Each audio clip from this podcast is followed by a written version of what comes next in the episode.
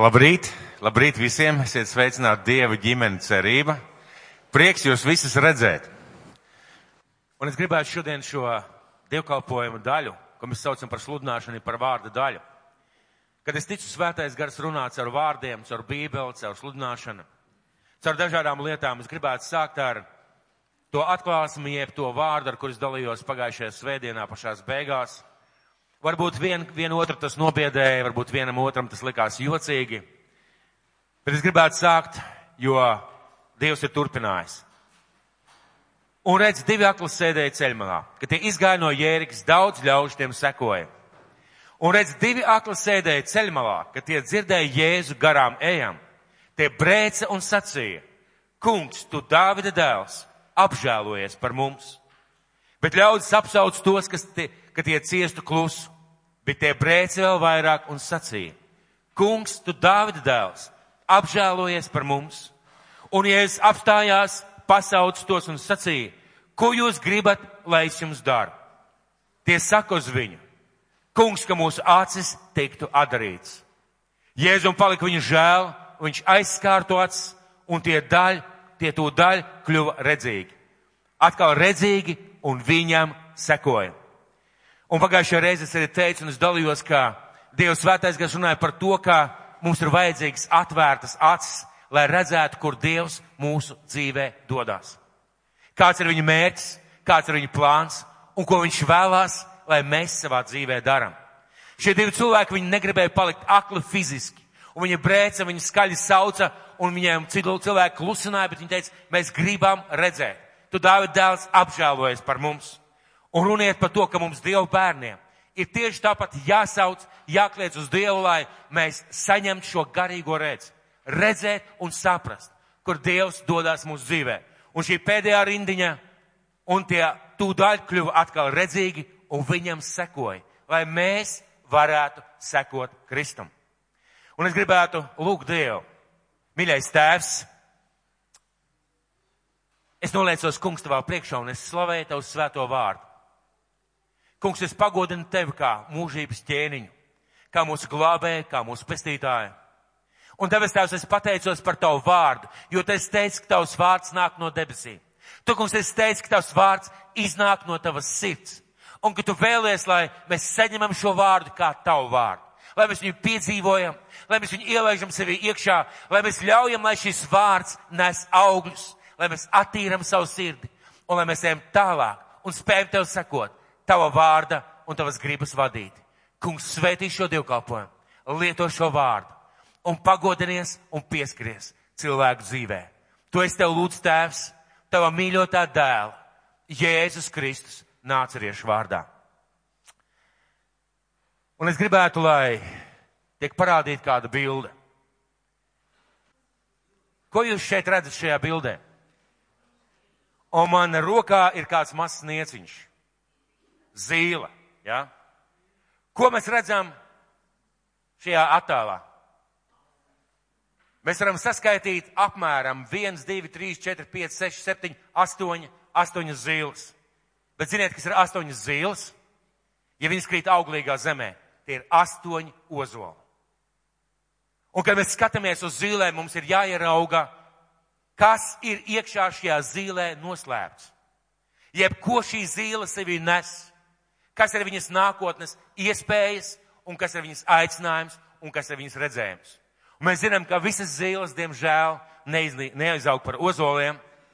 Un uh, varbūt paldies Dievam, jo te mums būtu ozola mešs, bet ir skaidrs, pilnīgi skaidrs, ka Latvijā sāk trūkst ozolu. Kāpēc es to parādīšu šo bildi? Un es gribētu uzlikt uzsvaru līdzīgi kā Jēzus runāja līdzībās. Skatoties uz zīli, mēs varam redzēt nākotni. Un nākotnē vēl neredzot fiziski, mēs varam ieraudzīt septiņus ozolus, kas nes atkal zīles un veidojas ozolu mežs. Un es šodien gribētu dalīties ar vārdu, kurš tā arī saucās redzēt tālāk nekā redz manas acis. Tā arī pierakstiet redzēt tālāk nekā redz manas acis. Redzēt tālāk nekā redz manas acis. Ir kāds vīrs, par kuru mēs lasām Bībelē, par kuru Dievs teica, ka Šis vīrs bija gudrākais, kāds jebkad ir bijis, kāds jebkad dzīvojis un kāds jebkad dzīvos. Gudrākais. Un viņam šo gudrību deva nevis grāmatas iesākumā, bet deva Dievs. Un es kādreiz esmu domājis, kas notika tajā mirklī, kad Dievs teica, es dodu tev gudrību. Ārsti saka un psihologi saka, ka cilvēks strādā ar astoņiem vai septiņiem vai desmit procentiem savu smadzeņu. Nepreikšu nepre, precīzi. Vai tas notika, ka tajā mirklī Dievs iejaucās dabiskajā viņa domāšanā un atvēra visas viņa smadzenes? Vai varbūt dubultoja šo zināšanu, jeb domāšanas spējas? Es nezinu. Svarīgi ir tas, ka mēs ieraugam, ka Dievs deva viņam šo gudrību. Un viņš bija gudrākais cilvēks, kāds jebkad ir dzīvojis vai kādreiz dzīvos. Un šis gudrākais cilvēks, gudrākais cilvēks ir Bībelē atstājis savus, savus pēdas, jeb rakstījis vārdus, kurus viņš bija saņēmis kā daudz kā atklāsmes no Dieva. Un pamāc vēstulē, pamā, Salmana pamācībās 29. nodaļā 18. pants. Lūdzu, atšķiriet savās bībelēs. Salmana pamācības 29. nodaļa, 18. pants. Salmana pamācības 29. nodaļa, 18. pants. Un tur rakstīts tā, kur nav nekāda pravietiska priekšnosacījuma par nākotni, tur tauta kļūst mežonīga un garīgi tukša. Bet labi tam, kas rīkojas pēc bauslības. Bauslība ir atklāsme par nākotni kur nav nekāda pravietiska priekšnosacījuma par nākotni, tur tauta kļūst mežonīga un garīgi tukša. Tur tauta kļūst mežonīga un garīgi tukša. Un uh, paskatīsimies vēlreiz pa daļām. Kur nav nekāda pravietisku priekšnosacījumu par nākotni. Tātad tur, kur nav nekādas atklāsmes, vai domas, vai sajūtas, vai sapņa, vai virzības, vai mērķa nākotnē, kur nav nekā tāda, rakstīts, tur tauta kļūst mežonīga un garīgi tukša. Kāpēc es parādīšu šo zīli? Šajā zīlē ir ieslēpta informācija. O, jeb, jeb me, vīzija, jeb redzējums izaugt par ozolu. Ko tas nozīmē? Tas nozīmē, ka šai zīlē ir priekš, tāds pravietisks priekšnosacījums, kas viņa būs. Kāpēc tas ir tik svarīgi? Šī vārda ir atkārtot, šī, šī bībeles pants ir atkārtots no miljoniem un miljoniem daudz cilvēku simtu, simtu gadu laikā. No daudziem miljoniem cilvēkiem simtu gadu laikā. Jo šie dievu vārdi no dievu muts nākuši atspoguļo vīzijas izšķirošo lomu mūsu personīgajā dzīvē, sabiedrības dzīvē un draudzes dzīvē. Tā ir, tā ir izšķiroša loma, ko es redzu savā nākotnē. Kāpēc mums, Dievu bērniem, jāzina par vīri, vīziju? Kāpēc mums ir jādomā par to, kā Dievs dod pravietisks lietas mūsu dzīvē nākotnē? Kāpēc? Lūk, jums bija atbildi. Kur nav šo lietu? Tur tauta kļūst garīgi tukša un mežonīga. Tāpēc tas nozīmē, ka tur, kur nav atklāsmes, ja vīzijas par nākotni, cilvēki zaudē mērķi, paškantoru, disciplīnu un jēgu dzīvot. Piemēram, uz šo dievkalpojumu. Es ticu, ka ir cilvēki, kas atnāca ar vēlēšanos Dievs, es vēlos kaut ko piedzīvot, kaut ko saņemt, kaut ko sajust no tevis, man ir vajadzīgi kaut kas no tevis. Bet noteikti bija cilvēki, kur atnāca vienkārši uz dievkalpojumu, jo svētdienā ir dievkalpojums. Un svarīgi, vai mēs saņemam, ir no tā, ko es redzu šajā dievkalpojumā notiekam un ko es vēlos no Dieva saņemt. Citiem vārdiem sakot, Dieva dota vīzija ir avots, Dieva dota vīzija cilvēka dzīvē ir avots personīgai, sabiedrības un draudzes kārtībai un virzībai uz priekšu. Vēlreiz atkārtošu. Dieva dota vīzija ir avots personīgai, sabiedrības un draudzes kārtībai un virzībai uz priekšu. Daudz cilvēki nāk un atzīmē, ka mūsu draudzē ir kaut kāda mīlestība, mēs jūtam mīlestību viens pret otru, un tā ir taisnība. Mēs sasveicinamies tāpēc, ka mēs esam ieraudzījuši, ka tam ir liela nozīme, ka tā ir Dieva sirds, ka mēs sasveicinamies. Ka tas nav tā, ka mēs vienkārši ienākam, apsēžamies savā vietā un pēc tam ātri aizem um, dievkalpojumu beigās. Tā ir Dieva sirds, tā ir Dieva vēlēšanās. Tā ir Dieva vīzija Dieva tautai. Kāpēc šajā zālē varbūt šajā mūsu namā izskatās tīri skaisti un omulīgi un patīkami? Tāpēc, mīļie draugi, ka Dievs gadus 15, 10 atpakaļ deva svētu neapmierinātību Jeb sapratni, ka Dieva namam jābūt ir skaistam, ka viņam jābūt ir sakārtotam, ka viņam jābūt ir siltam. Vai šodien šeit ir silti? Ir silti, pareizi. Vēl kādu gadu, pusotru atpakaļ šajā laikā šeit bija augsts. Un ziniet, kāpēc kaut kas mainījās? Mēs ieraudzījām, ka Dieva plāns nav, lai cilvēks salst. Ka Dieva vīzija nav, lai cilvēki nāktu uz dievkalpojumu un lai viņiem būtu augsti. Lai viņi iet mājās un teikt, nākuši ar neiešu uz dievkalpojumu, jo es nu, sasalu un atkal saslimu. Tas nav Dieva mērķis, tas nav Dieva plāns. Runa ir par to, ka mums ir vīzija, uz kurien mēs ejam. Ko nozīmē iegūt vīziju savai dzīvei? Vai ir kāds notikums, kas raksturo, vai ir kāds notikums, kas raksturo vīziju, lai mēs labāk saprastu? Kā jau minēju, Jēzus runāja līdzībās. Un lūk kāds stāsts, kas patiesībā ļoti tā skaidri un zināmā mērā redzamā veidā raksturo vīziju un kas mainās, kad cilvēks kaut ko ieraug. Esot bijusi kāda meitenīte, kas braukus kopā ar tētu uz kruīzes kuģi. Un ir bijis brīnišķīgs laiks, viņi brauks laikam garām kādai pilsētai, un viss kru, kruīzes kuģa iemītnieku pulks sanācis uz kuģa. Un teica, ar meitenīti iznācis vēlāk, un bijis daudz cilvēku, un viņi, ne, un, uh, viņi stāvējuši tur, teica skaties uz jūru, šo pilsētu, un mazā meitenīte nesot varējis redzēt, kas notiek tur tā pār cilvēku galvām. Un viņas teiks, raustīs tētais, rokas teiks, tēt, es neko neredzu. Tētis esot uzcēlis viņu uz pleciem, un meitenīte esot izsaukusies Es redzu tālāk nekā redz manas acis. Es redzu tālāk nekā redz manas acis. Šie meitenītes vārdi atspoguļo vīzijas, jeb dieva dots vīzijas būtību. Iespēju redzēt tālāk, kā redz mūsu fiziskās acis. Iespēju redzēt tālāk savā dzīvē, savā liktenī, savā aicinājumā tālāk, nekā redz manas fiziskās acis šodien, nekā tas, ko es redzu šodien redzēt ne tikai to, kas ir šodien, bet arī to, kas var būt nākotnē un iespēju padarīt to par realitāti. Redzēt to, kas var būt nākotnē un redzēt, kāda ir iespēja padarīt to, ko tu redzi savā nākotnē par realitāti. Redzi ir acu funkcija un vīzija ir sirds funkcija. Redzi ir acu funkcija, vīzija ir sirds funkcija. Mums var būt redze, bet mums var nebūt vīzijas. Un pasaules vēstures gaitā progress, izmaiņas notikušas tikai caur cilvēkiem, caur tiem cilvēkiem, kuri ir redzēja pagaidām vēl dzīvē nēsošas lietas. Vai kāds ir redzējis Gaudijas slavenās uh, ēkas? Esat redzējuši? Kāds ir redzējis, kāds ir redzējis internetā? Kad skatās uz šīm ēkām, liekas fantastisks darbs. Kā kaut ko tādu var iztaisīt tādām līnijām, un viņš ir slavens arhitekts un zināms visā pasaulē. Bet ziniet, kas ir svarīgi? Pirms tas tapa realitātē. Pirms celtnieki pielika pēdējo punktu un pēdējo otras krāsas triepienu. Gaudīt to jau redzēja, pirms celtnieki bija sākuši to būvēt. Viņš redzēja šeit. Un viņam bija vīzija uzbūvēt ēkas, kas nav līdzīgas. Viņam bija vīzija uzbūvēt ēkas, kuras atspoguļot viņa iekšējo pasauli un to, ko viņš grib iekšējā pasaulē ienest. Tas nozīmē, ka vīzija ir spēja redzēt lietas, spēja savā prātā, savā sirdī redzēt lietas, kuras vēl nav, bet kuras varētu tapt, un redzēt veidus, kā tām realizēties. Vīzija nozīmē spēju redzēt nākotni pirms tās atnākšanas.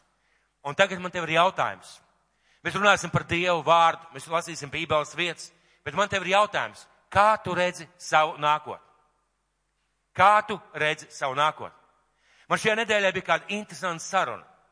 Es runāju ar kādu cilvēku un es aicināju viņu palīgā, jo ir atvērušās durvis evanģelizācijai un tiešām ir lieliska iespēja aicināt cilvēkus uz draudzu, svešus cilvēkus, cilvēkus, kur gribētu izierēt telpas un viņi dara lielisku, brīnišķīgu darbu arī no Dieva puses, ja teiksim, no, viņi nav ticīgi cilvēki, bet viņi dara labu, brīnišķīgu darbu. Un es runāju šo cilvēku un saku, padomā, palūdzu, un brīnišķīgi iespēja. Pēc kādām pāris dienām šis cilvēks piezvan un saka, zini, Jāni, ziema būšot barga. Es gan dzīvoju tepat mazāk kā 5 minūšu gājienā, bet ziema būšot barga. Un, zini, Jāni, man ir divas krāsnes. Un man viņas būs jākurina, jo būs ļoti augsts. Un es nevaru nākt neko darīt, jo man ir krāsnes. Tu taču mani saproti. vienīgais, kurš varēja, varēja nodomāt, skumji. Cilvēks savu nākotni redz krāsnīs, un tajā, viņam būs jākurina krāsnes. Vīzija ir spēja redzēt nākotni pirms tās atnākšanas. Vīzija ir bilde domās par mūsu nākotni un par mūsu likteni. Es gribētu parādīt dārzu. Monta parāda lūdzu dārzu. Tas ir Rundālas pils dārs. Rundāls pils dārs. Tāds viņš izskatās šobrīd. Vai jūs nepārsteidz tas, kā tas ir izveidots? Vai jūs Latvijā, Latvijā? Vai jūs nepārsteidz, kā tas ir izveidots? Bet ziniet, kas ir interesanti? Kad šie cilvēki restaurēja, jeb atjaunoja un pilnveidoja šo dārzu, viņiem bija plāns, kas bija viņu galvā. Viņiem bija plāns, kas bija viņu galvā. Viņi redzēja, pirms tas viss tapa, viņi redzēja, jo padomu laikā tur viss bija aizauts un aizlaists. Viņi redzēja, kā tam ir jāizskatās. Un, mīļie draugi, mūsu dzīvē, mūsu dzīvē un mūsu dzīve ir kā šis dārzs, kurā Dievs mums dod gudrību, ja mēs meklējam, kurā vietā iestādīt kociņu, kurā vietā krūmiņu, un ļoti bieži šie jauniestādītie dārzi ir maziņi. Tie krūmiņi ir maziņi, tās, tās ābelītes ir maziņas, tie ziedu, ziedu dobes un ziedi ir maziņi, reizēm pat vēl nav redzami. Bet ziniet, kas ir šim te dārza kopējiem, jeb šim te dārza autoram? Viņš jau redz garā, kā izskatīsies, kā ziedēs, kurš zieds ar kuru pārklāsies, kurā laikā kurš ziedēs un tā, lai dārs vienmēr ziedētu. Mūsu dzīvei kopā ar Dievu vajadzētu būt kā skaistam krāšņam dārzam. Un lai mums tāds dārzs iznāktu, mums ir vajadzīgs redzējums mūsu nākotnē. Mums ir vajadzīgs redzējums, kā mēs redzam savu dzīvi nākotnē. Un tāpēc es pajautāju, kādu šobrīd redz savu dzīvi nākotnē. Un Dievs devis šo dāvanu cilvēcei, mīļie. Tāpēc mēs, lai mēs nedzīvotu tikai ar to, ko redz mūsu acis, bet lai mēs dzīvotu lietās, kuras vēl nav, lai mēs dzīvotu priekš lietām, kuru vēl nav un kuras varētu būt nākotnē. Kāpēc? Kāpēc cilvēkam vajadzīga vīzija? Kāpēc cilvēkam ir Dievs devis šīs lietas? Dažas lietas, ko es gribētu pieminēt. Viņš devis. Un pirmais arguments, kāpēc man vajadzētu būt šai vīzijai, viņš devis. Kas ir šis viņš? Tas, kura vārds Bībelē ir visvairāk. Tas, kura vārds stāv pāri visām lietām. Tas, kurš ir radījis debesis un zemi. Un tas, no kura viss sākās, caur ko viss iet un uz kuru visam vajadzētu aiziet. Tātad Dievs ir tas, kas devis mums šo vīziju. Un tā ir vīzija mūsu cilvēku dzīvē. Vai mūsu Dievs ir vīzijas Dievs? Vai mūsu Dievs ir vīzijas Dievs? Jautājums Jānis, tu saki, ka man vajadzētu būt vīzijai. Man vajadzētu būt tādam redzējumam, domai, kaut kādiem mērķiem manā dzīvē. Jāni, vai Dievs ir vīzijas Dievs? Vai Dievs ir Dievs, kurš redz lietas, kuras vēl nav notikušas? Man ir jāierauga, vai Dievs tāds ir. Un skatieties, vēstulē romiešiem atšķiriet 4. nodaļa, vēstule romiešiem 4. nodaļa, 16. un 17. pants. Vēstule romiešiem 4. nodaļa, 16. un 17. pants.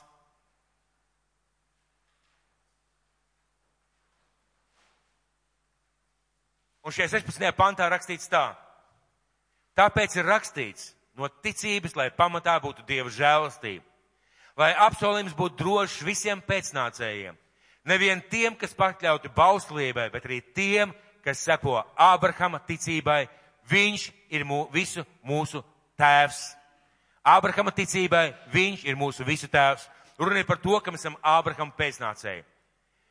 Tā Dievu priekšā, kam viņš ticēja, Tad ticībā viņš ir mūsu tēvs. Tā Dievu priekšā, kam viņš ticēja, kas mirušos dara dzīvus un sauc vārdā to, kas vēl nav, it kā tas jau būtu. Dievs ir tas, kurš sauc vārdā eh, to, kas vēl nav, it kā tas jau būtu. Tas nozīmē, ka Dievs ir vīzijas Dievs. Dievs ir vīzijas Dievs. Un Dievs ir darbības Dievs, uz kura, uh, uh, kur, kurā uh, mērķi balstās vienmēr uz jēgu, uz nozīmi, un viņam ir vīzija visām lietām. Pie kā viņa mērķi ir mūžīgi. Es gribētu izlasīt kādu psalmu, 33. pants, bet tā kunga padoms pastāv mūžīgi, un viņa sirds nodomi ir spēkā uz auģu audzēm. Tā kunga padoms pastāv mūžīgi, un viņa sirds nodomi ir spēkā uz auģu audzēm. Kas šeit tiek teikts? Dievs plāno nākotni. It kā viņa jau būtu. Viņš redz lietas, it kā viņas jau būtu. Un kad Dievs mūs aicina saviem bērniem, Viņš aicina savā valstībā, un viņš ir tas, kas mums, Dievu bērniem, dod iespēju satiekoties ar viņu, dzīvojot viņā, ieraudzīt, kas ir mūsu dzīves nākotne, kāda ir mūsu dzīves nākotne, uz ko Dievs mūs ir aicinājis. Mēs skatīsimies vēlreiz, vai Dievs ir vīzijas Dievs. Pirmā mūzes grāmata. Pirmā mūzes grāmata. Sāksim ar. Izlasīsim pirmo līdz sestajam pantam. Pirmā mūzes grāmata, pirmā nodaļa, no pirmā līdz sestajam pantam. Kā man ir šķirt vaļā, es gribētu vēlreiz pateikt. Bībele saka, ka Kristus ir mūsu paraugs. Manā Bībelē teikts, ka sekojiet viņam. Ne tikai savā darbībā, bet savās domās, savos mēķos, savās idejās. Sekojiet viņam un iepazīstiet, kāds viņš ir. Un ja es iepazīstu, ka Dievs ir vīzijas, redzējumu, nākamo lietu Dievs. Tas man dod cerību un sapratni, ka Dievs arī manā dzīvē ir ielicis kaut ko nākotnē, un man tas ir jāzina. Pirmā mūzes grāmata no pirmā līdz sastajam pantam, pirmā nodeļa. Iesākumā Dievs radīja debesis un zemi, bet zem bija neiztaisīta un tukša, un tumsa bija pār dziļumiem, un Dieva gars lidinājās par ūdeņiem. Tāds ir stāvoklis. Un Dievs sacīja, lai top gaisa, un gaisma tapa. Un Dievs redzēja, ka gaisma ir laba, un Dievs atšķīra gaismu no tumpas. Un Dievs nosauca gaismu par dienu, bet tumsu par nakti, un tapa vakars un rīts. Un Dievs sacīja, lai top izplatījums ūdens vidū, kas lai šķir ūdeņus no ūdeņiem. Mums cilvēkiem reizēm ir lietas, ko mēs darām uz labu laimi. Reizēm mums ir lietas, ko mēs domājam, tas varētu būt neslikt. Man tā sanāca, es rīkojos spontāni, pa, paldies Dievam, viss bija labi. Mēs redzam, ka Dievs teica, lai top gaisma. Tas nozīmē, ka viņa prātā jau bija šī pasaule. Viņa prātā jau bija šī pasaule, kādai viņai ir jābūt. Un kāpēc mums katram vajag un vajadzētu būt, lai mums būtu vīzija savai nākotnē un tas sapratnē, uz ko mēs virzamies. Tāpat pirmā mūzes grāmata, pirmā nodaļa. Skatīsimies 26. un 27. pantu. Tad Dievs sacīja, darīsim cilvēku pēc mūsu tēla un mūsu līdzības. Tas, lai valda pār zivīm jūrā un pār lopiem, pār putniem apakš debesis, pār visu zemi un visiem rāpuļiem, kas rāpo zemes virsū. Šis pants ir izcils šajā ziņā, par ko mēs šobrīd runājam. Dievs saka, radīsim cilvēku. Cilvēka vēl nav. Cilvēka vēl nav. Bet Dievs jau redz cilvēku it kā esošu, un Dievs saka, dosim šim cilvēkam uzdevumu. Un lūk, tas, ko šim cilvēkam vajadzētu darīt. Dievam ir vīzija par cilvēku radīšanu un par to, ko cilvēkam vajadzētu darīt. Tas nozīmē, ka Dievs tevi un mani radīja pēc sava tēla un līdzības. Skatāmies 27. pantu. Un Dievs radīja cilvēku pēc sava tēla un līdzības. Pēc sava tēla viņš to radīja vīrieti un sievieti viņš radīja. Ko nozīmē šie vārdi pēc tēla un līdzības? Ja mēs zinām, ka Dievs ir gars, ja mēs zinām, ka Dievs ir visu varants, ja mēs zinām, ka Dievs ir visur esošs, visu spējīgs, visu zinošs, ja mēs to zinām, vai mēs tādi esam? Nē, noteikti mēs neesam. Vai mēs esam radīti kā gari? Jā, mēs esam gars, kam ir dvēsele un kas dzīvo miesā. Bet mēs neesam tikai gari kā Dievs, ir tikai gars kā Dievs. Tātad tajā ziņā mēs neesam tik ļoti līdzīgi Dievam. Kur ir tā līdzība? Tā līdzība ir saņemt atklāsmi no Dieva, saprašanu no Dieva, ka mūsu gars spēj komunicēt ar Dievu. Un šī līdzība ir radīt un sapņot un redzēt lietas, kuru vēl nav, bet kuras, ja mēs skatāmies uz viņām un ejam uz šo mērķi, viņas top. Viņas realizējās, viņas atrādās, parādās, viņas atklājās. Tā ir tā mūsu līdzība. Un ja mēs šodien šeit domājam, kāpēc Jānis tu nesludini par Jēzu Kristu, es sludināšu par Jēzu. Ja bija kāds cilvēks ar vīziju uz šīs zemes, tas bija Kristus. Un ja kāds saka, es esmu Kristus sekotājs, Jāna beidz runāt par vīziju, tad tu neesi iepazinis Kristu. Tad tu neesi sapratis varbūt līdz galam, kāds viņš ir bijis kā persona. Tad lūdzu, tas nozīmē, ka Dievs tevi man radīja ar vīzijas radīt. Mēs esam vīzijas radīt. Dieva vīzijas radīt. Lai tev un man būtu vīzija un lai mēs dzīvotu ar to vīziju, ko Dievs mums personīgi atklāja. Es gribētu minēt kādus, pastāstīt kādus kā stāstu. 20. No, 20. gadsimta vidū Bankokā, Tailandā, valdība nolēma celt automaģistrāli. Liela automaģistrāli, kas iet cauri visai Tailandai. Un eh, šeit šīs maģistrāles ceļā stāvēja kāds budistu klosters. Neliels, ne ar ko necils klosters. Šajā klosterī bija kaut kas tāds īpašs. Eh, tur bija Budas statuja trīs metru augstumā. Un, protams, eh, valdības lēmums bija pārcelt šo, šo, šo te klosteri, pārcelt Budas statuju, un viņi tā arī izdarīja, bet darīja viņi to ar lielu bību, jo viņi ticēja šim svētumam, ticēja, ticēja tam, ka tas ir tiešām svētums Dievam un tautai. Un, lūk, viņi pārcel šo statuju, pārvieto šo klosteri, pārcel šo statuju, aizveda kādiem lieliem ceļiem krāniem, acīm redzot. Un tajā mirklī, kad viņi sāk uzstādīt šo statuju, šī statuja ir no māla. No šīs statujas sāk birt pamazām nost māls.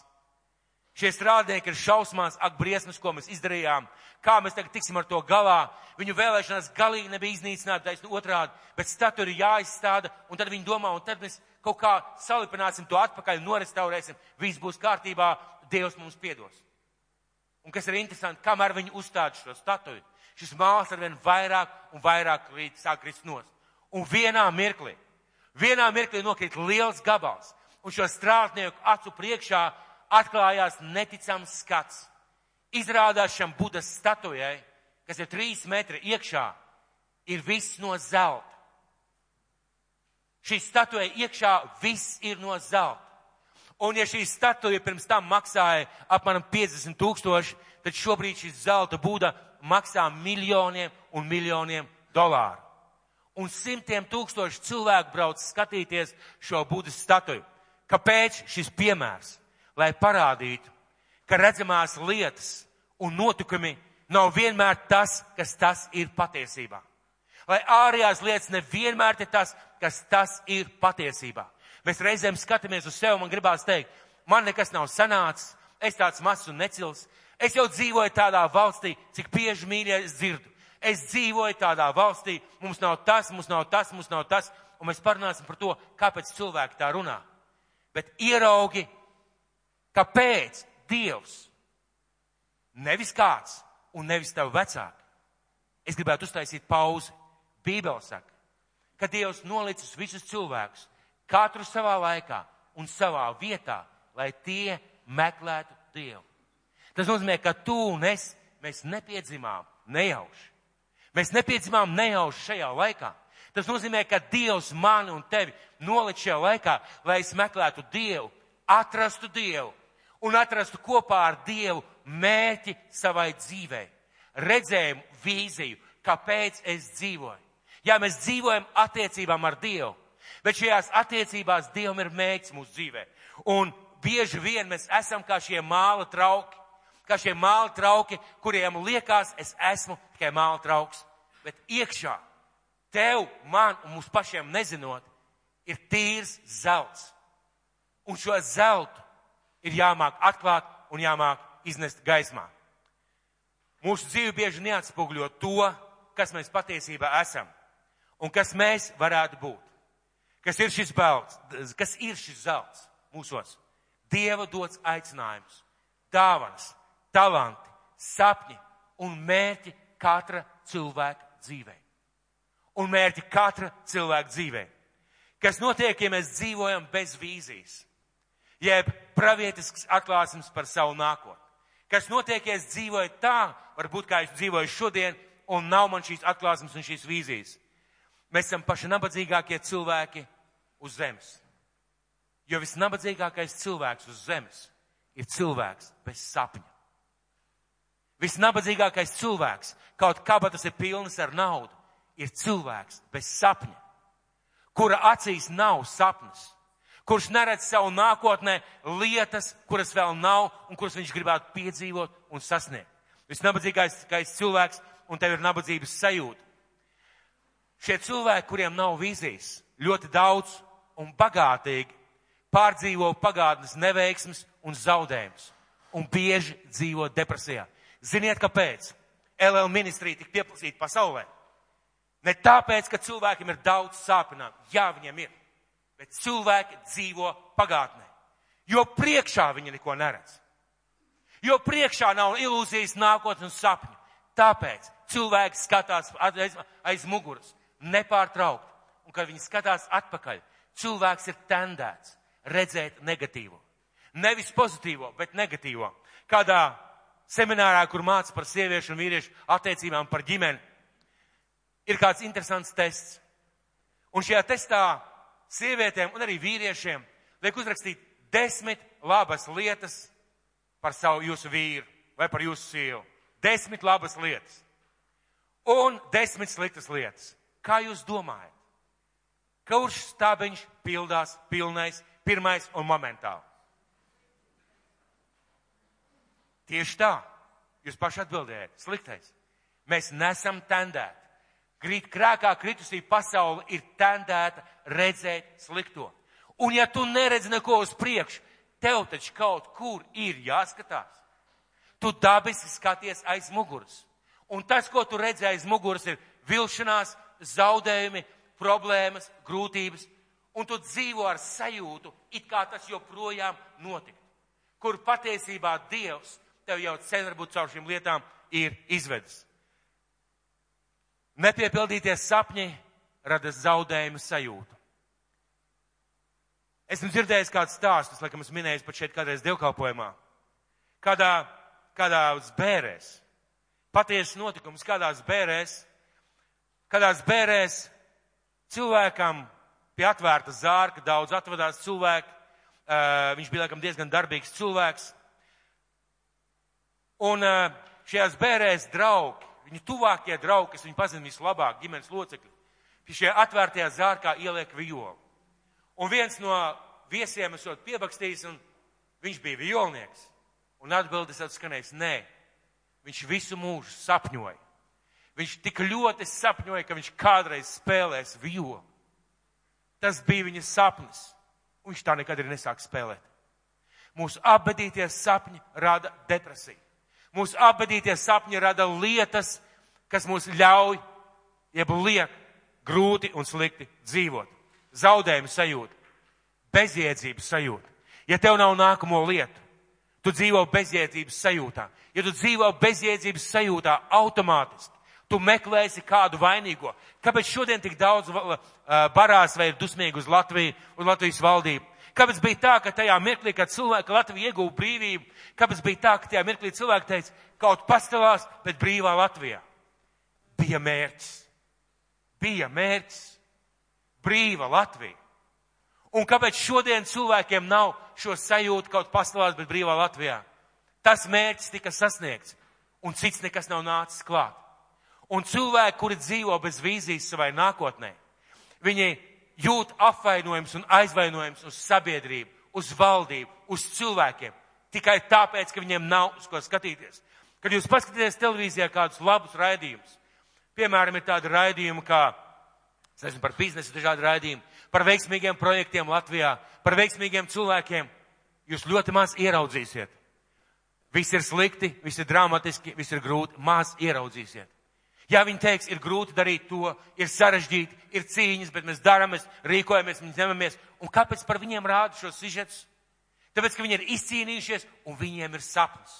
Un viņi ir gājuši sapni, un šo sapni viņi ir piepildījuši. Un tieši tāpēc arī šajā laikā, kur šajā valstī, kurā mēs dzīvojam. Paldies Dievam par šo valsti. Mīļie, man vakar iznāca burtisku sekundu uzmest kā te, acis televizoram, kur es redzēju kādu sižetu panorāmā par Lietuvas čekas maisiem. Redzējāt, jā? Ja? Un man ļoti uzrunāja tas, tie vārdi, ko teica šī te sieviete, kas uh, sniedz šo interviju. Viņa teica tā, tā ka mēs atveram šos čekas maisus, ka mēs parādām sabiedrībai, kāda bija atmosfēra, kā viens otru nodeva, cik netīri un ļaunprātīgi cilvēki dzīvoja. Tad viņa teica tā, pat tie, kuriem šī brīvība neliekās dārga un vērtīga, sāktu to novērtēt. Sāktu saprast, cik labi ir šodien. Mēs dzīvojam brīnišķīgā laikā Dievu dotā laikā, svētītā laikā. Tikai mums ir vajadzīga vīzija par lietām, uz ko Dievs mūs aicina savā dzīvē. Bezjēdzības sajūta un cilvēki ir vainīgi. Rezultātā ir bezjēdzīga dzīve. Man bija kāds radinieks. Man bija kāds radinieks, sakiet, vai cilvēks var nor, nomirt no bezjēdzības sajūtas? Var, var nomirt no bezjēdzības, fiziski nomirt no bezjēdzības sajūtas. Bībele saka, ka var. Es to redzēju savām acīm. Man bija kāds vīrs, kāds radinieks, kurš vienmēr, kad viņš atbrauca, bija ārkārtīgi grūti klausīties. Tas bija kaut kāds šausmīgs stāsts. Ziniet, kāpēc? Viss bija slikti. Viņam bija divi dēli un meita, mazbērni. Viņam bija daudz labu lietu, par kurām viņš varēja priecāties un dzīvoja priekš nākotnes. Viss, par ko viņš runāja, viss ir slikti. Kad viņš aizgāja mūžībā, es piegāju pie šī sava, pie viņa dēla un prasīju, no kā tētis nomira. Tā pēkšņi. Un ziniet, ko viņš atbildēja? Tie bija patiesi vārdi. Viņš neredzēja jēgu dzīvot. Un pat ja mēs fiziski nenomirstam, ja mums nav vīzijas nākotnē, mēs neredzam jēgu dzīvot. Mēs neredzam, kāpēc mums vajadzētu dzīvot un kāpēc mums vajadzētu vispār eksistēt. Kāpēc mūsu dzīvē varbūt ir šīs sajūtas? Jo iekšēji mēs nepiekrītam tam, kā mēs dzīvojam un ko mēs redzam. Iekšēji mēs nepiekrītam. Lūk, kāpēc atnāk šī depresija, šī bezjēdzības sajūta, jo iekšēji mēs saprotam, tas nav tas, man, kā man vajadzētu dzīvot. Un mēs iekšēji saprotam, ka katram Dievu bērnam ir dota gara atklāsme, lai nestu svētību. Es to saprotu. Bet ja man nav vīzijas, kā es nesīšu šo e, svētību, es dzīvoju depresijā, man ir nomāktības sajūta. Mēs saprotam iekšēji, ka katrs ir radīts pēc tēla līdzības, e, tēla līdzības, un mēs jūtam to. Mēs jūtam, ka mēs esam radīti pēc Dieva tēla līdzības. Mēs tā nedzīvojam, un mums iekšā ir šī bezjēdzības sajūta. Mēs zinām, kā Dieva bērniem, kāds ir iecelts par locekli, bet loceklim ir jāfunkcionē. Ja mēs nefunkcionējam miesā, ja mēs nefunkcionējam draudzē. Varbūt mums liekas, viss ir kārtībā, bet patiesībā iekšēji mēs vainojam draudz, mēs vainojam cilvēks, mēs vainojam sabiedrību. Reizēm ar saviem vārdiem mēs vainojam pat Dievu.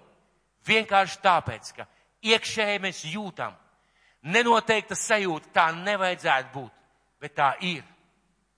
Un ja es to nedaru, man ir šī bezjēdzības sajūta. Un lūk, kāpēc.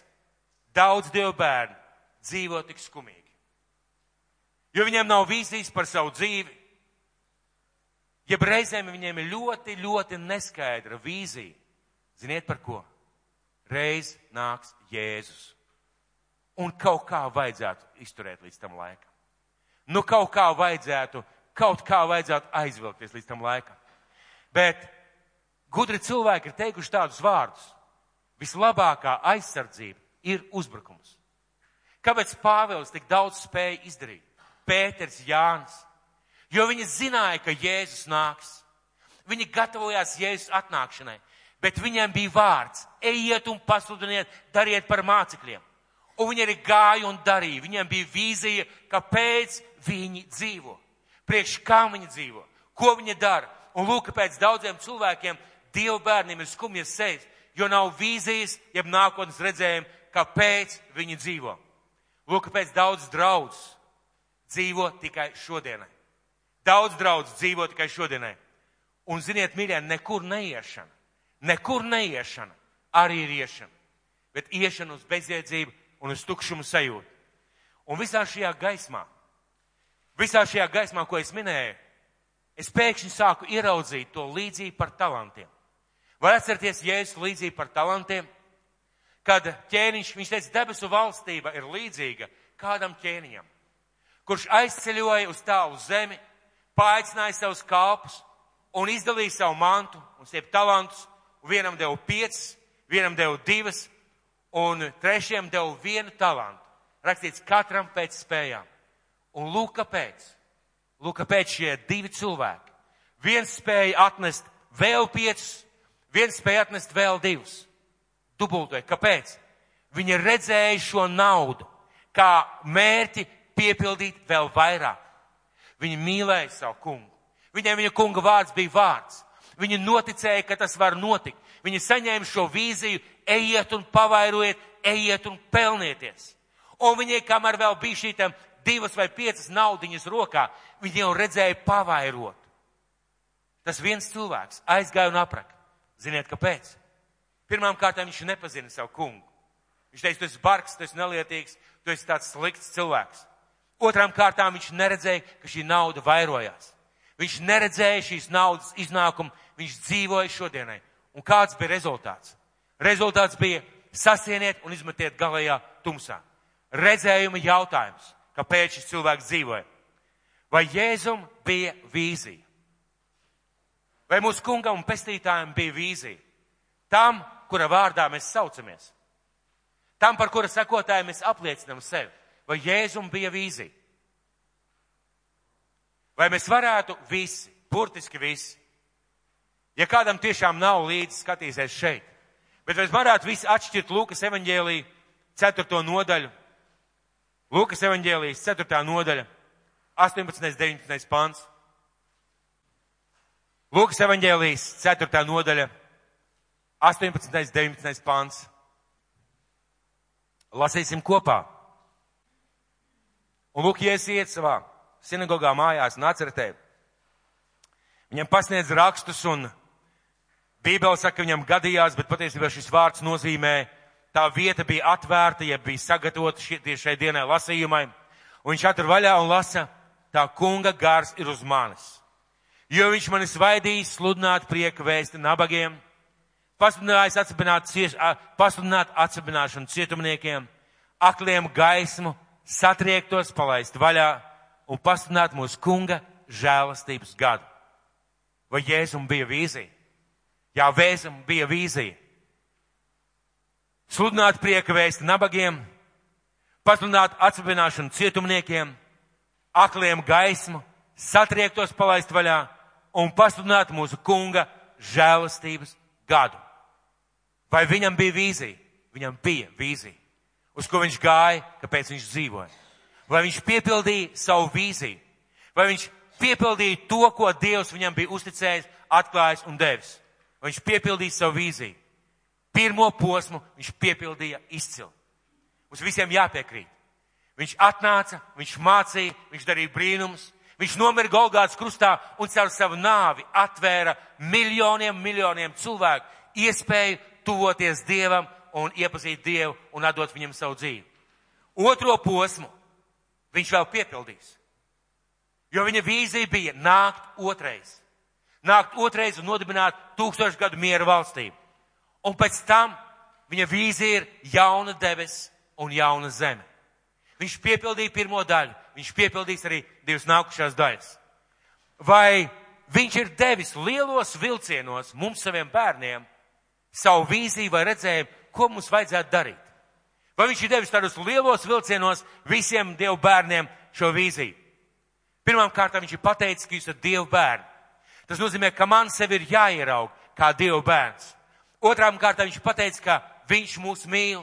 Tas nozīmē, ka es man jāredz sevi dzīvojot Dievu mīlestībā. Trešām kārtām viņš teica, ka jūs katrs esat loceklis Kristus miesā. Un vārds loceklis nozīmē tas, kas darbojās, tas, kas dara, tas, kas ieguldās, tas, kas ir kopā ar citiem cilvēkiem, tas, kas ir pievienots miesai un darbojās Dieva draudzē. Un vai, vai mēs kād, kādreiz esam teikuši kādam cilvēkam, Dievs tev mīl un, un Dievam ir labs plāns tavai dzīvei? Esam visi teikuši pareizi. Vai esat domājuši, ko jūs teicāt? Tā bija patiesība. Bet bieži vien šo Dievu plānu mēs neatiecinām uz sevi. Mēs pieejam pie nodzērušās cilvēku un sakam, zini, Dievs tevi mīl, un viņam plāns tavai dzīvei. Bet kāds ir tā plāns manai dzīvei? Kāds ir plāns tai dzīvei, kurš saka šos vārdus? Kāpēc? Ja Dievs ļauj mums piedzimt noteiktā laikā un noteiktā vietā. Ja Dievs mums ļauj piedzimt noteiktā laikā un noteiktā vietā, viņam ir mērķis uzdevums mūsu dzīvē, mums tas jāatklāj un jāsaprot, kā tas var piepildīties. Un apstoļu darbu grāmatā viņš definēja vīziju mācekļiem. Astotais pants, bet jūs dabūsiet spēku, kad svētais gars būs nācis par jums, un būsiet mani liecinieki kā Jeruzalemē, tā visā Jūdijā un Samarijā, un līdz pašam pasaules galam. Viņš pasaka, lūk, jums redzējums. Jūs dabūsiet spēku. Domājiet, kā nonākt pie šī spēka. Domājiet, kā piedzīvot. Domājiet, kā sākt staigāt šajā spēkā. Jūs būsiet mani liecinieki kā Jūdijā, tā Jeruzalemē, tā līdz pašam pasaules galam. Un Dievs šī vieta saka, lūk, jums vīzija būt par liecinieku savā dzīvē. Jūdejā, Samarijā līdz pašam pasaules galam. Apustuļi to piepildīja. Un visiem Dievu bērniem, visiem Dievu bērniem, kas sēž šajā zālē, Dievs Mateja evaņģēlijā, 28. nodaļa, 18. 19. pants. Mateja evaņģēlijas 28. nodaļa, 18. 19. pants. Lūk, Dievs dod vīziju, jeb redzējumu, jeb uzdevumu, jeb nākotnes skatījumu, kas vēl nav piepildījies mācekļiem. Tāpēc ejiet un dariet par mācekļiem visas tautas. Tās kristīdam tēva dēlu un svētā gara vārdā, tās mācīdam turēt visu, ko es jums esmu pavēlējis, un redzi, es esmu pie jums ikdienas līdz pasaules galam. Mēs to saucam par lielo pavēli. Patiesībā Jēzus šajā vietā atklāja vīziju Dieva bērniem. Atklāja nākotnes uzdevumu. Atklāja to, kāpēc, kādēļ un kādā veidā mums jābūt, būtu jādzīvo.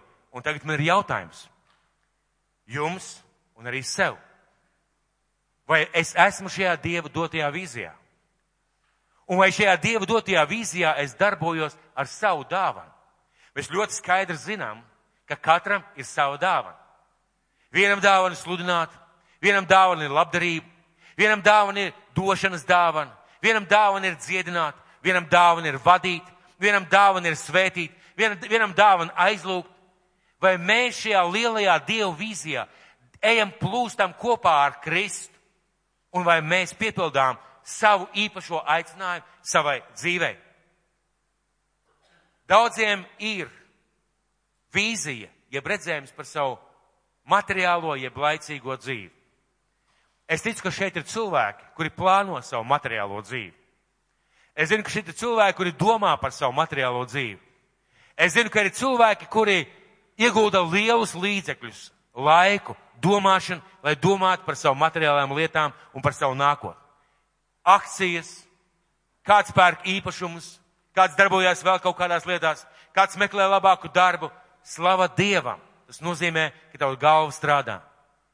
Tas ir brīnišķīgi, tas ir labi un tas ir veids, kā mēs varam aizsniegt kaut kādu vīziju savā dzīvē, šajā materiālajā dzīvē. Bet man ir jautājums. Man ir jautājums tev un man. Vai tev ir vīzija par tavu dzīvi Dieva valstībā? Vai tev ir kaut kāds plāns, jeb redzējums, uz ko Dievs tevi ir aicinājis Dieva valstībā? Vai viss tavs redzējums ir piebāzt savu kabatu, labi dzīvot, sevi nodrošināt, savu ģimeni nodrošināt, un pēc tam, ja iznāks pārpalikums, tad arī Dievam. Es vienmēr esmu uzsvērs un uzsvēršu sevišķi jauniem cilvēkiem. Sevišķi jauniem cilvēkiem, kur veido vēl savu dzīvi.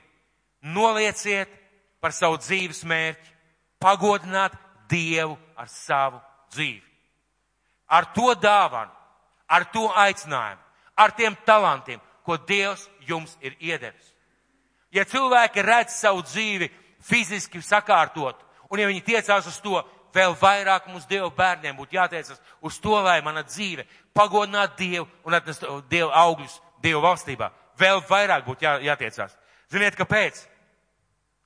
Jo, es skaidri pateicu, ka ir iespējams domāt par savu dzīvi materiālajā sfērā, ir iespējams. Un viņš pateica tādus vārdus ja kas šajā pasaulē savu dzīvību izglābs, jeb nevis nomirs, bet tad savu dzīvi sakops, izveidos, sakārtos, izdarīs, bet nedomās par Dievu valstību, rezultāts atnāks kā zaudējums mūžībā. Jo viņš teica, kas savu dzīvību izglābs, tas pazaudēs. Kas savu dzīvību pazaudēs, tas izglābs. Ko tas nozīmē? Tas nozīmē, ka galvenai lietai, ko mums Dievu bērniem šeit sēžot, būtu jādomā. Kā es varu kalpot Dievu valstībā ar savu dāvanu, ar savu talantu, ar savām spējām. Un ja es teicu, pirmām kārtām dzenieties pēc Dieva valstības, pēc viņas taisnības, pārējās lietas tiks piemestas. Vai tu pieslēdzies šai vīzijai, ko Jēzus teica, ejiet pa visu pasauli un pasludiniet, dariet par mācekļiem? Vai tu meklē šajā vīzijā savu īpašo dāvanu, savu īpašo ceļu šajā vīzijā, vai vienkārši plūsti uz nekurienu? Daudziem, kā iedvesmojums, bija grāmatas lasījums pērkonbalss. Pērkoņbalss, tā saucās, jā, par Viljamu Fetleru. Daudz dzirdēju, vai daudz dzirdēju šo grāmatas lasījumu kristīgajā rādio? Kaut vienu fragmentu. Jaunieši neklausās kristīgo rādio, pareizi. Bet daudz dzirdēju, pareizi. Un es pazīstu kādu vīru, kurš dzirdējis par Viljamu Fetleru. Kurš dzirdējis par lietām, ko Viljams Fetlers darīja. Stipri aizdegās. Es gribu šo spēku savai dzīvē. Es gribu šo svaidījumu. Es gribu daudz dievkalpojumus. Es gribu, lai Dievs darbojās, lai Dievs dziedins ar mani. Vienu lietu viņš palaida garām. Ja kāds bija mērķiecīgs cilvēks ar vīziju, tas bija Fetlers. Kad sākās pirmais pasaules karš, simtiem un tūkstošiem Krievu karavīru nonāca Vācijā koncentrācijas nometnē, gūstekņu nometnē. Un Dievs deva viņam vīziju. Un nevis tas, ka viņš vienkārši ieraudzīja, viņš lūdza un meklēja Dievs, kā es šiem cilvēkiem varu palīdzēt iegūt tavu valstību. Un Dievs deva viņam vīziju organizēt cilvēkus ārzemēs, Anglijā, dažādās valstīs. Viņš vāca ziedojumus. Viņš sūtīja bībeles šim, šim, uz šiem, uh, uz šiem ieslodzīto nometnēm. Un pēc tam, kad beidzās karš, kad vācieši simtiem un tūkstošiem Krievijas karavīru palaida brīvībā atpakaļ uz Krieviju, radās simtiem draudzes. Ziniet, kāpēc? Nevis tāpēc, ka viņš skaļi sludināja, kā šobrīd to daru es. Nevis tāpēc, ka viņš bija tāds dieva izredzētais mīlulīts. Viņš dzīvoja ar vīziju. Viņa dzīve bija vīzijas virzīta. Un mēs šodien atceramies viņu vārdu tāpēc, ka viņš Latvijā dibināja vairākas draudzes.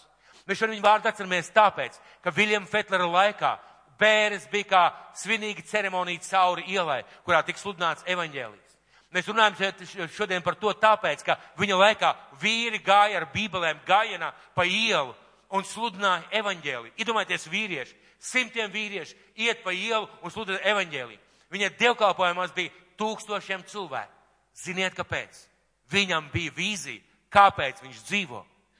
Šodien, manuprāt, mēs esam nogājuši vai nolikušies līdz tam līmenim. Mēs dzīvojam šai dienai. Mēs dzīvojam tāpēc, lai šodien būtu labi, lai šodien būtu jauki. Un te runa nav par absolūtību. Runa ir par to, ka Dievs saka, kur nav pravietiskas atklāsmes par nākotni, tur tauta tāda paliek. Un man ir jautājums trešo reizi tev.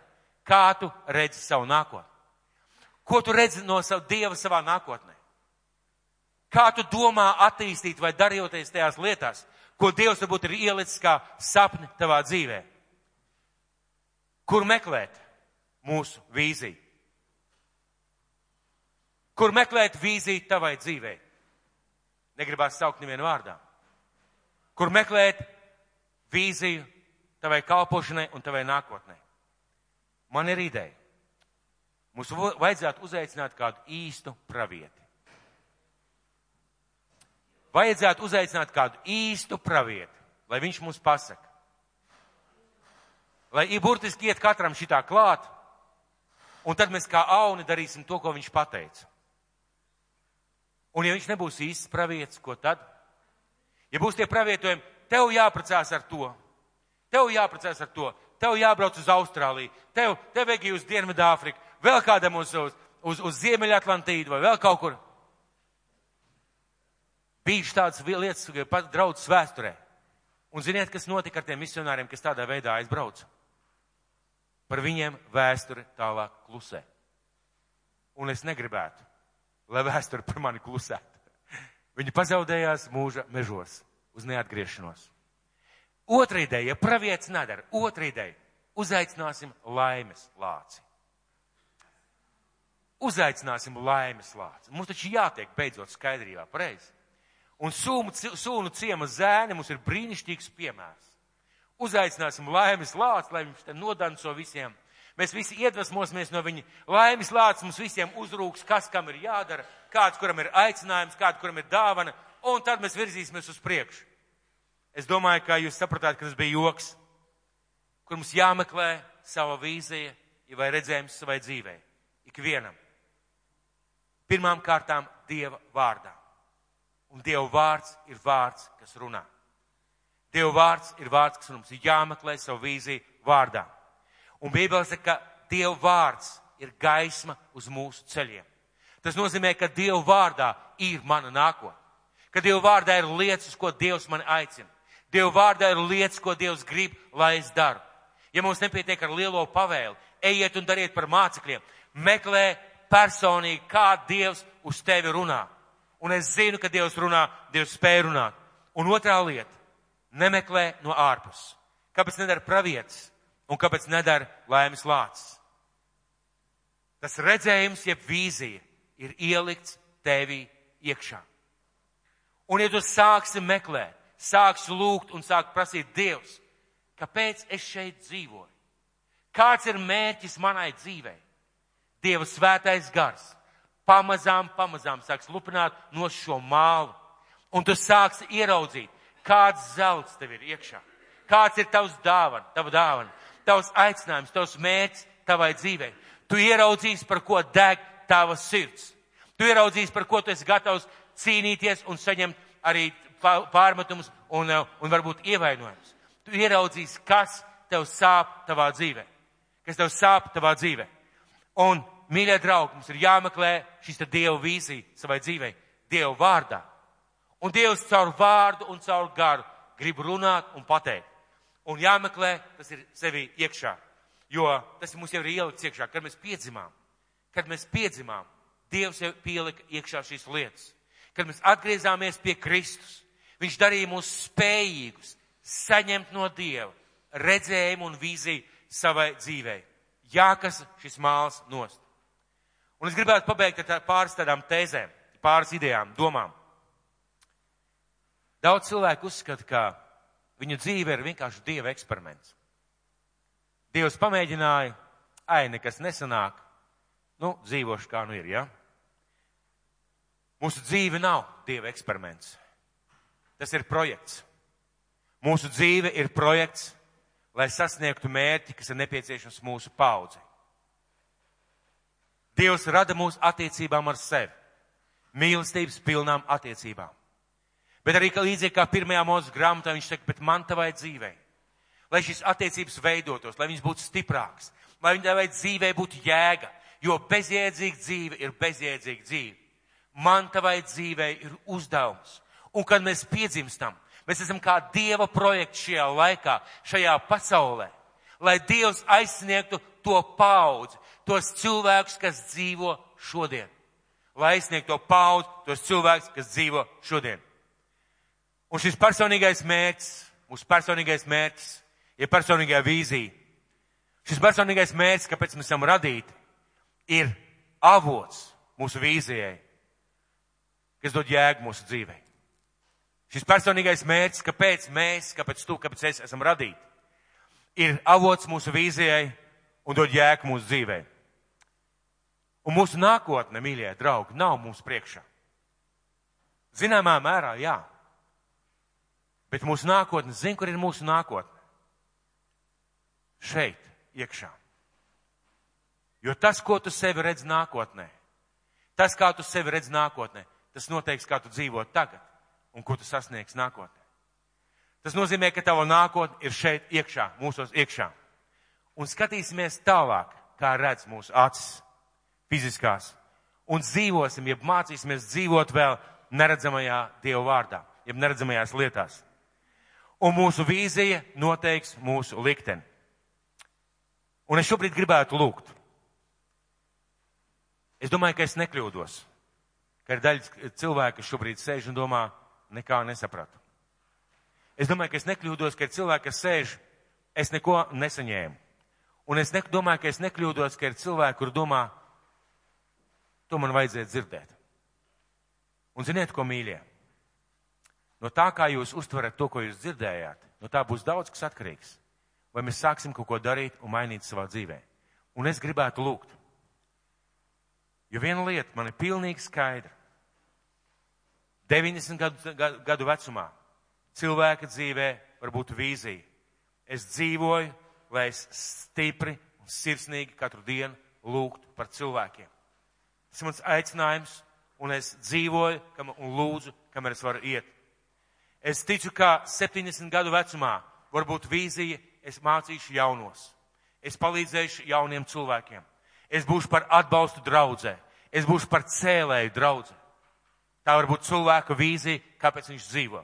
Es zinu, ka 50 un 60 gadniekiem, cilvēkiem, kuriem liekas, ka visa dzīve ir pagājusi, patiesībā statistika saka mīļie, ka, se, ka ir daudz, daudz cilvēku, kuri savu karjeras izaugsmi, vai savu kalpošanu, vai lietas, kas izmaina viņu nākotni, pilnībā ir sākuši uz 60 gadiem.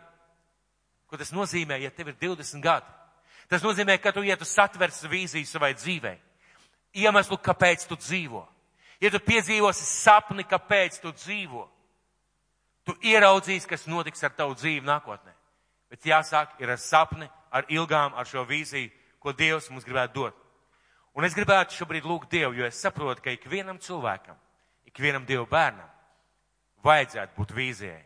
Kāpēc es dzīvoju, jeb sapnim no Dieva? Mūsu debes tēvs, es tev lūdzu, kungs, par šo draudzi. Mīļais kungs, es lūdzu Dievs par tavu, par tavu draudz tukumā. Debes tēvs, es lūdzu par katru cilvēku šajā zālē. Mīļais Kristu. Mīļais kungs un mans Dievs. Palīdz tēvs mums ar gara acīm ieraudzīt to, kas mēs esam, kam mēs esam radīti. Debes tēvs palīdz mums ieraudzīt tālāk, nekā redz mūsu fiziskās acis. Mīļais kungs, es lūdzu, palīdz mums ieraudzīt mūsu nākotni tādu, kāda tā varētu būt kopā ar tevi. Un tevis tēvs palīdz mums ieraudzīt un atklāt tos ceļus un veidus, kā tu gribi mūs vest uz šo nākotni. Un, mīļais Dievs, es tev lūdzu, debes tēvs, lai mūsu dzīves realitāte nav. Nav šie salmana vārdi, kur nav pravietisks atklāsmes par nākotni, tur tauta kļūst mežonīgi un garīgi tukša. Nē, debes tēvs. Taisn otrādi mīļais Kristus. Pacel kungs šajā draudzē. Cilvēks ar mērķi un ar redzējumu viņu dzīvē. Ar vīziju lietām, kam vajadzētu notikt nākotnē. Tās pacel šajā draudzē un draudzē tukumā. Šajās draudzēs cerību cilvēks, kura dzīvo nākotnes vārdā, kura piepilda savus sapņus, kur redz, kā tie realizējās, kuras, kuru dzīve ir kā šis brīnišķīgais dārs, kurā viss ir salikts pa punktiem un sastādīts un uzplauks īstajā laikā un īstajā veidā. Mīļais Dievs, Tu esi mūs radījis pēc savu tēlu un līdzības. Kungs svētī, dabas Tēvs svētī ikvienu, lai cilvēki meklē, lai cilvēki lūdz, lai cilvēki virzās uz to, kam jābūt manā dzīvē. Kungs svētī šo laiku, kungs svētī savu vārdu. Jēzus Kristus vārdā. Āmen!